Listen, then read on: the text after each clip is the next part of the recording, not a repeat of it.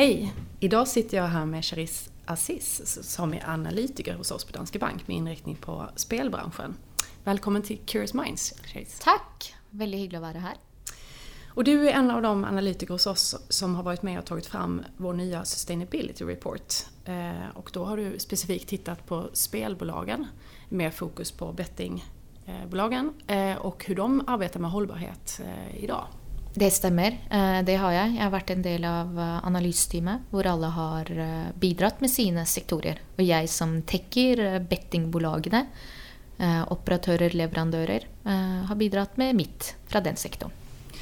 Och jag tänkte höra med eh, just hållbarhet är ju ett ganska vitt begrepp. Men vad är det som sticker ut just eh, spelbolagen? Alltså vad innebär hållbarhet för dem? Exakt. Um, holdbarhet innenfor spelbranschen handler ikke om uh, miljøforurensning eller at man har CO2-utslipp utover hva som er lovlig.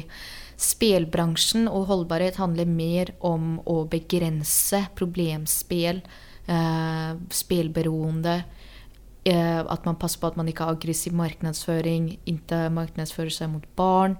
Eh, man er, ha, er, compliant hva angår AML-risk f.eks. exempel. Eh, regleringer. Ehm, så det, det er mer knyttet til et menneskelig aspekt enn f.eks. selve miljøet og trærne og ja. Og hvordan står det til da i, i blant spelbolagen når det kommer til de her frågorna? Um, spelbolagene, uh, de nordiske spelbolagene har blitt veldig mye flinkere. Uh, man merker at suksessivt etter hvert som ikke minst kvartalene eller årene går, at spelbolagene fokuserer veldig mye på holdbarhet. Veldig mye på responsible gaming. At man skal ha, at man skal ha app knapper, man skal ha self-exclusion-knapper rundt omkring på spill. Uh, att det skal være enklere for spillerne å kunne ekskludere seg fra et spill. Så spillbolagene jobber mer og mer for å ikke, passe, for å ikke ta, uh, för att passa på at deres spillere er sustainable spillere og long-term spillere. Um, og man, spillebolagene gynnes ikke av en som bruker opp alle sine 20 000 i løpet av dag ett og ikke kommer tillbaka. Eh, man, er, man, vil jo mye heller ha spillere som, er, uh, som har en høyere retention ratio.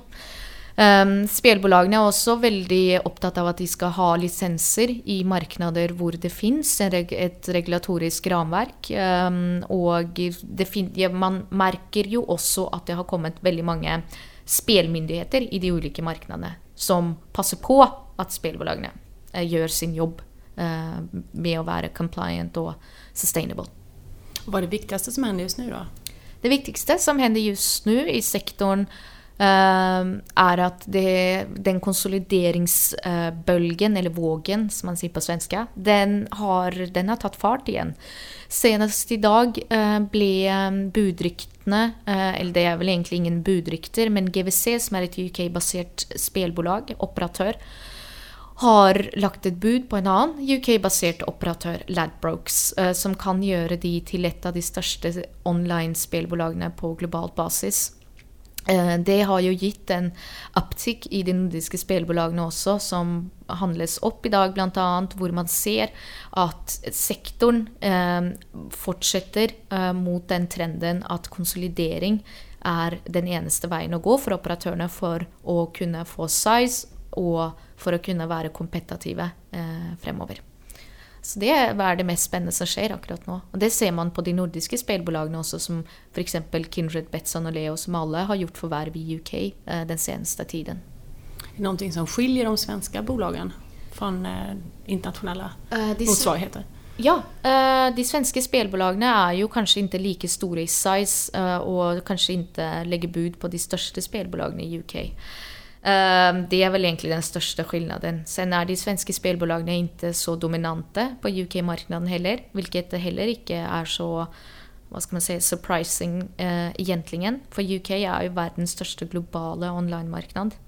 Uh, og der har jo betting funnits hvor lenge som helst. Um, mens vi i Norden akselererer mot en mye mer etablert sektor akkurat nu.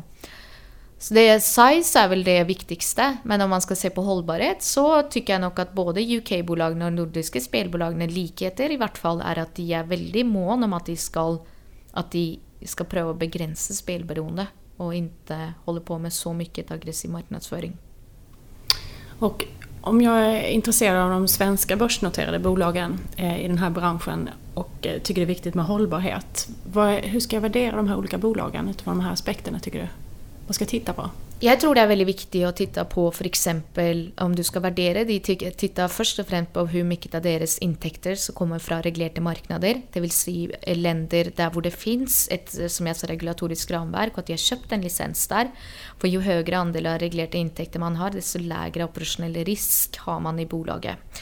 Uh, den er også veldig viktig. men Igjen, høyere, høyere, andel av regulerte inntekter medfører også høyere spelskatter, hvilket igjen påvirker uh, EBIT, f.eks.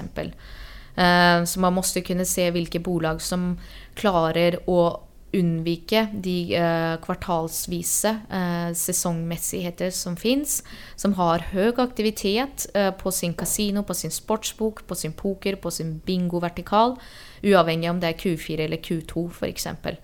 Sen er det viktig å titte på at så fra holdbarhetsperspektiv så er det viktig å titte på hvor mye er det bolaget aktivt, både i kvartalspresentasjoner og årsredovisninger, hva de jobber, hvor mye de er synlige på just det feltet, og at de virkelig um, At de ikke bare presenterer snygge slides, men at de virkelig man kan gå inn og dobbeltkolle.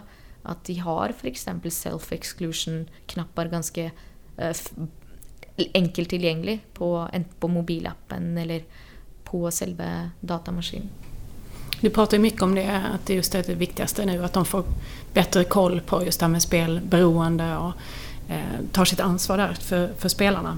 Eh, men hva skulle säga, om du skulle säga en sak som er absolut viktigast framåt for bransjen, er det, är det kopplat til det da? Uh, det er helt klart kopplat til att vi, när vi fortsetter eh, å se at regulering kommer i markedene. Eh, det er vel egentlig den største trenden vi ser nå.